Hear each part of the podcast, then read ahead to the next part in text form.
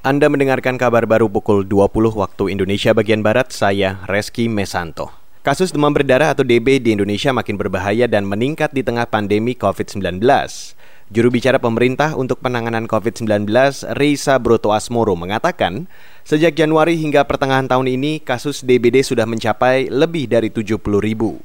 DBD adalah salah satu tantangan terberat pemerintah Indonesia, beban kesehatan masyarakat yang juga mengancam. Menurut laporan Kementerian Kesehatan, kasus DBD di Indonesia minggu dari minggu ke-1 sampai dengan minggu ke-27 tahun 2020, jumlah kasus DBD mencapai lebih dari 70 ribu kasus. Kasusnya tersebar di 34 provinsi dan 465 kabupaten kota dengan jumlah kematian DBD hampir 500 orang. Juru bicara pemerintah untuk penanganan COVID-19, Reisa Broto Asmoro memperkirakan puncak wabah demam berdarah terjadi pada pertengahan tahun. Wilayah dengan banyak kasus demam berdarah juga merupakan wilayah dengan kasus COVID-19 tinggi, seperti Jawa Barat, Lampung, Nusa Tenggara Timur, Jawa Tengah, Yogyakarta, hingga Sulawesi Selatan. Fenomena ini memungkinkan orang yang positif COVID-19 juga berisiko terinfeksi demam berdarah. Hal ini bisa diperparah dengan terbatasnya kegiatan petugas kesehatan pemantau jentik nyamuk akibat pembatasan saat pandemi.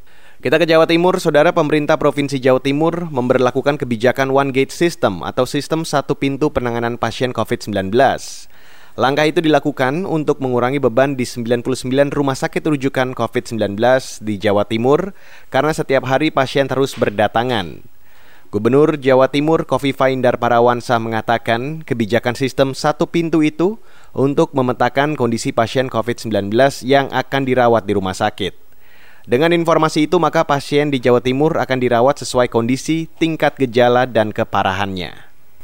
Kalau sekarang ini sedang disiapkan one kit system, harapannya semua terpetakan. Rumah sakit rujukan tertentu akan menerima pasien tingkat sedang dan berat. Rumah sakit rujukan tertentu menerima pasien ringan dan sedang sesuai dengan uh, nakes dan alkes yang ada di rumah sakit-rumah sakit itu sehingga rumah sakit Gubernur Jawa Timur Kofifa Indar Parawansa menambahkan pemerintah juga menambah 200 tempat tidur di rumah sakit lapangan di Jalan Indrapura Surabaya.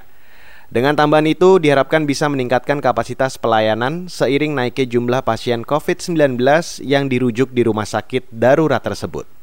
Kita ke lantai bursa sekarang, indeks harga saham gabungan atau IHSG sore ini ditutup di zona hijau di posisi 4.973. Indeks menguat tipis 7 poin atau 0,14 persen.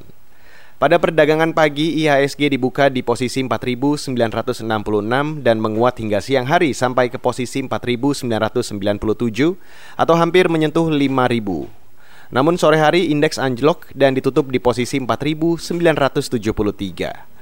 Penguatan juga terjadi di hampir semua bursa saham Asia, di mana indeks komposit Shanghai China menguat paling tinggi sebesar 2 persen. Sementara itu di perdagangan valuta asing, mata uang rupiah masih melemah terhadap dolar Amerika Serikat. Rupiah melemah 1,15 persen ke posisi 14.549. Demikian kabar baru KBR, saya Reski Mesanto.